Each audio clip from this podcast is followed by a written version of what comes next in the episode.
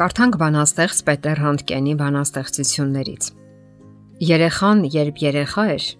թրջող թևերով թափառում էր։ Ու կուզեր երեխան, որ առուն լիներ գետակ։ Գետակը հեղեղ, իսկ ջրափոսն այս ծով։ Երեխան, երբ երեխա էր, չգիտեր, որ երեխա է։ Ամեն ինչ հուզիչ էր եւ ամեն ինչ մեկ։ Երեխան, երբ երեխա էր, ճուներ կարծիք, ճուներ սովորույթներ, հաճախ մազափնջով էր, նստում էր խաչած ոտքերով։ Սահուն էր ցածկը նրա, դեմքն էլ նկարվելիս չէր ծամածռում։ Զավակների ու ծնողների միջև հակամարտությունը հավերժական է։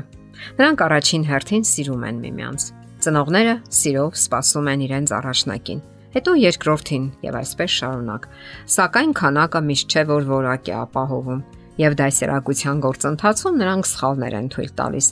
Հետագայում լավագույն դեպքում նրանք գիտակցում են դա եւ փորձում ինչ որ ձևով ուղղել այդ սխալներն ու կարգավորել հարաբերությունները։ Ժամանակը անկասկած շատ բան է սովորեցնում ու կարգավորում, որովհետև մենք բոլորս ենք այս կամ այն կերպ սխալներ թույլ տալիս, եւ կարեւոր են ոչ այնքան սխալները, որքան այդ սխալներից դասեր քաղելը։ Մեր նախորդ հաղորդումների ժամանակ խոսել ենք այն մասին, որ ծնողները հաճախ են գիտակցում իրենց սխալները դասիրակության ոլորտում։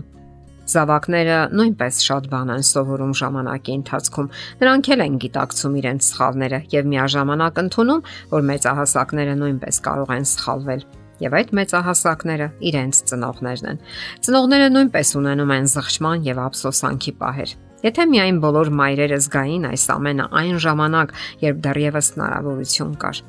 Սակայն ժամանակը շատ բան կարող է ուղղել ու փոխել, ու միշտ էլ հարկավոր է հնարավորություն որոնել կարգավորելու եւ ավելի դրական հունի մեջ դնելու հարաբերությունները, որpիսի անցյալի մեջ մնան այն պահերը, երբ իրենց զավակները նստում էին տանը միայնակ ու լքված, մերժված ընկերների կողմից, միայնակ իրենց անհաշիվ տնային առաջադրանքների հետ, ինչ մյուսներն ուրախանում էին Եվ այդ բոլորը հսկայական լարվածություն էր նրանց մանկական ու դեռևս չձևավորված նյարդային համակարգի վրա, որ ազդում էր նրանց հիշողության ու մտածողության վրա, նյարդերի եւ ընդհանրապես աշխարհայացքի վրա։ Ընթամենը այն բանի համար, որ գոնե մի թվանշան փոկեն ուսուցիչներից։ Եթե միայն ծնողները գիտակցեին այս ամենը, երբ երբ երեխան դեռևս 2 տարեկան էր, 3, 5, 9 կամ 10, 13 Սակայն ժամանակն անցավ։ Երեխան մեծացավ։ Հիմա նա կյանք է մտել անվստահ ու անպաշտպան։ Հասուն տղամարդն իրեն անվստահ է զգում իր ղեկավարի արչև, իր չսիրած մասնագիտության մեջ, որովհետև չգիտի թե ինչ է ցանկանում, ինչ է սիրում։ Նա իրեն համարում է անհաջողակ ու ծույլ,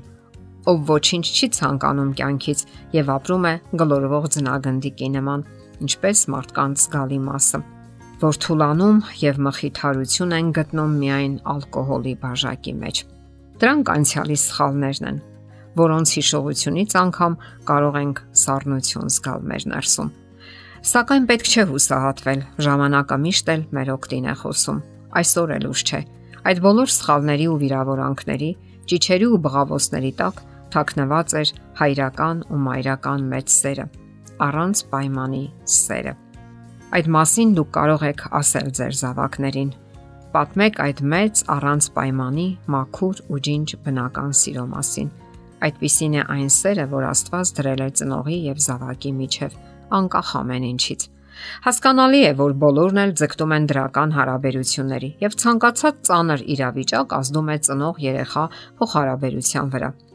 Այդպես է այն աշխարհում, որտեղ մենք ապրում ենք։ Այդ ցավով էր տարապում նաև հայ նշանավոր գրող Վիլյամ Սարոյանը, երբ գրում էր. Այդ լացն ինձ ծանոթ է։ Ես այն առաջարկում եմ։ Ահա, ես այն առաջներում եմ լսել։ Դա քոլացը չէ։ Ոչ էլ մեկ ուրիշինը, դա ամբողջ աշխարհի լացն է։ Ճանաչելով աշխարհի վերջը, դու այժմ կանգնեցիր քո ճանապարհի վրա Եվ բնական է, որ բազմաթիվ սխալներ գործես։ Այն բոլոր հրաշալի սխալները, որ դու պետք է գործես եւ գործելու ես։ Կարևոր չէ թե ինչ սխալներ կգործես կյանքում։ Մի վախեցիր գործած սխալներիդ համար կամ նորերը գործելուց։ Դու բարի սիրտ ունես։ Վստահիր սրտիդ, ունկնդրիր նրան եւ շարունակիր ճանապարհդ առանց կանգ առնելու։ Եթե ընկնես, խապված կամ հալածված ուրիշներից կամ ինքդ քեզնից, վեր կաց եւ հետ մի նայր։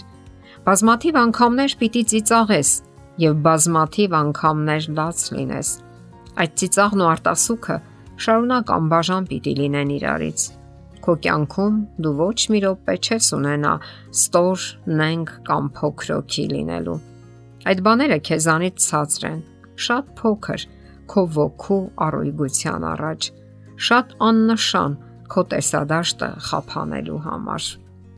Դե ինչ, հեշտ չեն դասիրակության այն ոլորանները, որոնցով անցնում է յուրաքանչյուր ծնող։ Հարկավոր է ջանք, երանգ եւ հնարամտություն ներդնել, ինչպես նաեւ սովորելու փափագ ունենալ այդ ոլորանները հաջողությամբ հաղթահարելու համար։ Եթերում ընտանիք հաղորդաշարներ։ Հարցերի եւ առաջարկությունների համար զանգահարել 033 87 87 87 հեռախոսահամարով։